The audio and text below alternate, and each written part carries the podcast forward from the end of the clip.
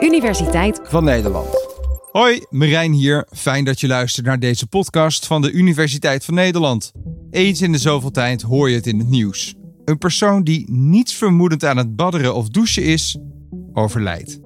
Een kapotte cv-ketel blijkt de dader. Een vergiftiging door koolmonoxide. Een stof die je als mens niet kunt waarnemen. Daarom wordt het ook vaak een sluipmoordenaar genoemd, omdat we vaak gewoon niet merken dat het in de omgeving zit. Koolmonoxide is een gas wat je niet kunt ruiken, niet kunt zien, niet kunt horen, niet kunt voelen. Dus het zit eigenlijk in de lucht zonder dat je daar weet van hebt. Dit is longarts Marijke Rutten van het Maastricht UMC+. Zij vertelt in deze podcast alles over de gevaren van koolmonoxide, hoe je vergiftiging kunt voorkomen en hoe je het behandelt. We hebben recent hier in Maastricht ook nog een uh, situatie meegemaakt in een studentenhuis waar meerdere studenten eigenlijk onwel werden. En die allemaal voor controle in het ziekenhuis zijn nagekeken, waarbij we een hoog koolmonoxidegehalte constateerden bij een aantal van hen. Dus er was sprake van een koolmonoxidelek. Die studenten werden eigenlijk onwel en zijn uiteindelijk op de spoedeisende hulp terechtgekomen. En bleken een ernstige koolmonoxidevergiftiging te hebben. Dus zijn bij ons behandeld daarvoor. Elk jaar belanden 200 mensen met zo'n vergiftiging in het ziekenhuis. En 5 tot 10 mensen overleven het niet. Waar schuilt nou precies die sluipmoordenaar?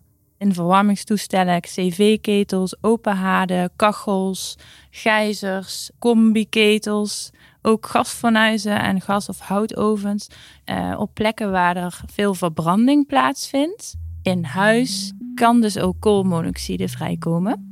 En koolmonoxide komt uit onvolledige verbranding van organische stoffen, zoals hout of gas. En die verbranding die is onvolledig als er te weinig zuurstof bij uh, de warmtebron komt. Ook bijvoorbeeld de verbranding van kolen, zoals we in de barbecue gebruiken. Daar kan ook koolmonoxide bij vrijkomen als die verbranding onvolledig is. Dus stel je gaat barbecuen en je doet dat buiten, dan is er eigenlijk geen probleem, want in de buitenlucht zit genoeg zuurstof. En dan zal die onvolledige verbranding wel meevallen. Maar bijvoorbeeld een smeulende barbecue in een binnenruimte plaatsen, bijvoorbeeld in een garage of in een niet goed geventileerde ruimte, dan kun je wel echt problemen krijgen door onvolledige verbranding en dus ook koolmonoxide ontstaan. Om te snappen hoe dit stofje, dat je niet ruikt, niet ziet, niet voelt, zo'n groot effect kan hebben op ons lijf, moet je eerst weten wat er normaal gebeurt in je lichaam als je ademt. De normale omstandigheden zijn dat we zuurstof inademen. Zuurstof komt via de longen je lichaam binnen, gaat richting je bloed. En je bloed wordt rondgepompt door je hele lichaam. Daardoor wordt je hele lichaam voorzien van zuurstof. Um, dat zuurstof gaat niet op eigen houtje door die bloedsomloop heen. Daar is hemoglobine voor nodig. Hemoglobine zit dus in je bloed. En dat moet je je eigenlijk voorstellen als een soort transportbusje.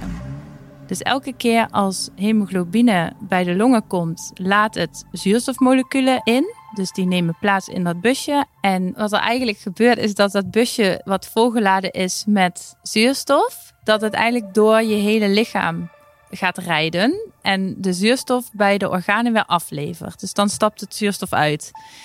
Vervolgens is het hemoglobine leeg en gaat het terug richting de longen om daar weer nieuwe zuurstofmoleculen op te halen. En zo gaat het eigenlijk steeds door. Maar nu, in plaats van zuurstof, adem je ook koolmonoxide in. Wat er dan gebeurt, is dat koolmonoxide via je longen ook weer je bloedbaan bereikt. En je moet het je voorstellen dat koolmonoxide veel sneller bindt aan hemoglobine. Dus als je het gaat zien als een wedstrijdje tussen koolmonoxide en zuurstof, dan heeft die zuurstof eigenlijk geen schijn van kans. Want het koolstofmonoxide wint eigenlijk altijd, omdat die 200 tot 300 keer sterker is dan zuurstof. Het transportbusje zit dus op een gegeven moment vol met grote koolstofmonoxide moleculen. En de zuurstof wordt eigenlijk van zijn plek verdrongen zo komt het dus dat je organen uiteindelijk ook minder zuurstof kunnen krijgen. Want dat CO zit op de plek waar die zuurstof normaal zou zitten. En als dat busje geen zuurstof meer brengt naar je organen, dan gaat het mis. We weten dat onze hersenen en het hart bijvoorbeeld heel gevoelig zijn voor zuurstofgebrek. En dat daar dus ook de eerste problemen mee ontstaan. Zoals duizeligheid, uh, verwardheid. Dat zijn eigenlijk tekenen ook dat de hersenen gewoon zuurstofgebrek hebben.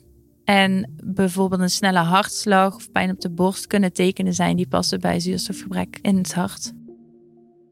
De verminderde zuurstoftoevoer naar je hersenen zorgen er uiteindelijk ook voor dat je in slaap kunt vallen en ook in een coma kunt raken. Dat is extra gevaarlijk, want dan kun je eigenlijk ook niet uit de situatie weg hè, waar je in zit. Dus die koolmonoxidevergiftiging gaat door. Als jij in een ruimte ligt en niet meer kunt bewegen, dan zal de hoeveelheid koolmonoxide die je binnenkrijgt steeds groter worden. Er zijn twee soorten van koolmonoxidevergiftiging.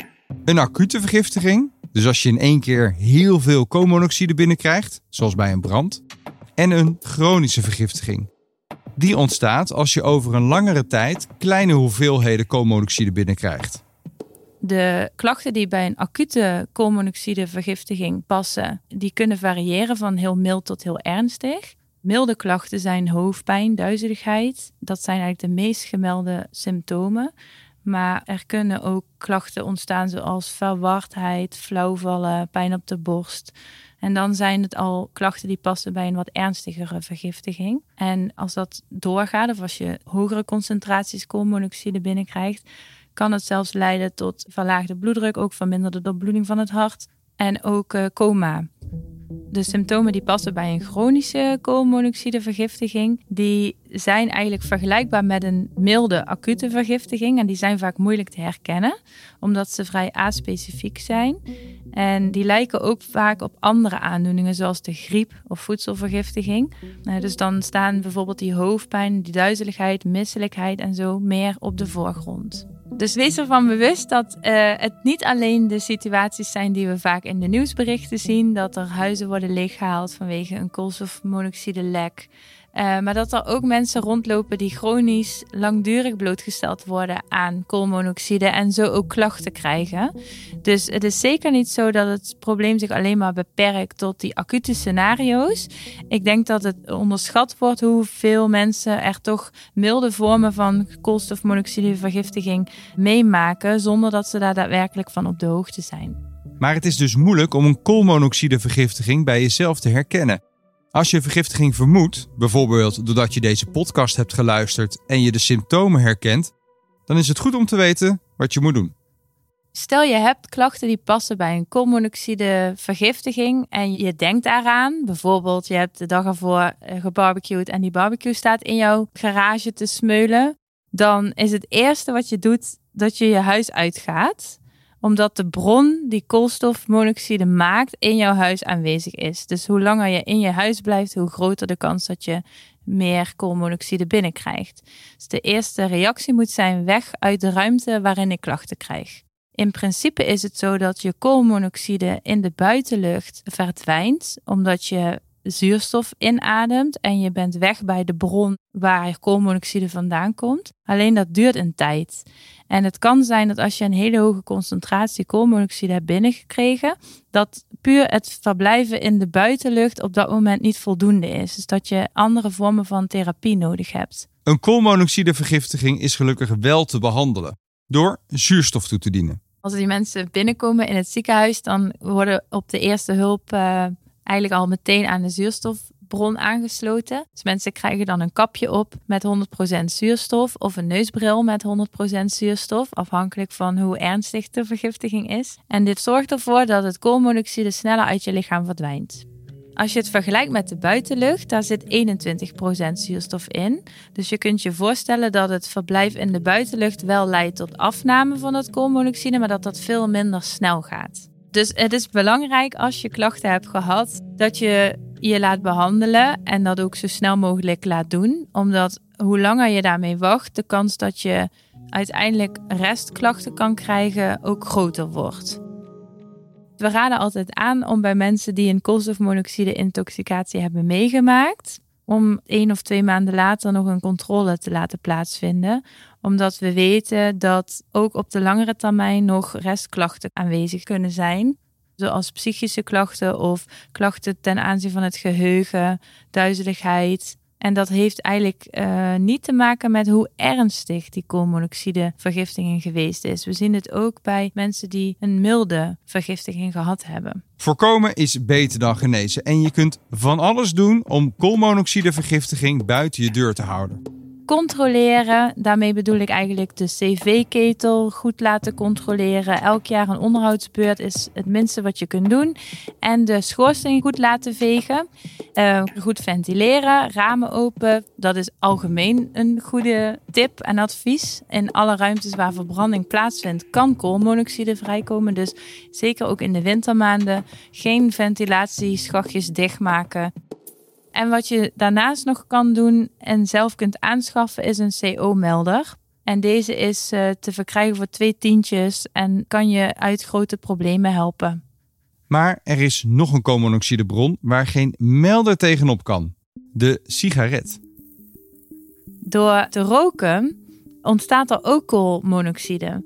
Dus het is bekend dat rokers een duidelijk verhoogd koolmonoxidegehalte in hun bloed hebben. En dat is soms zelfs tien keer zo hoog ten opzichte van niet-rokers. Dus stel je gaat bloed prikken bij een roker en bij een niet-roker, dan zul je bij die roker zien dat er ongeveer tien keer zoveel koolstofmonoxide in het bloed aanwezig is dan bij de niet-roker.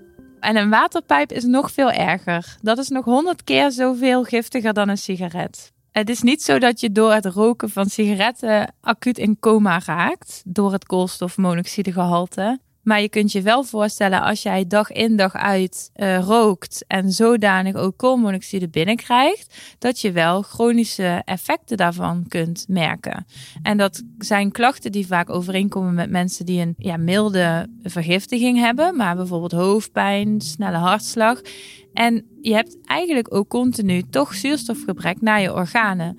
En dat kan uiteindelijk ook leiden tot hart- en vaatziekten. En we weten dat dit ook veel meer voorkomt bij rokers. Dus in principe ben je zelf bezig met je een koolmonoxidevergiftiging aan te doen.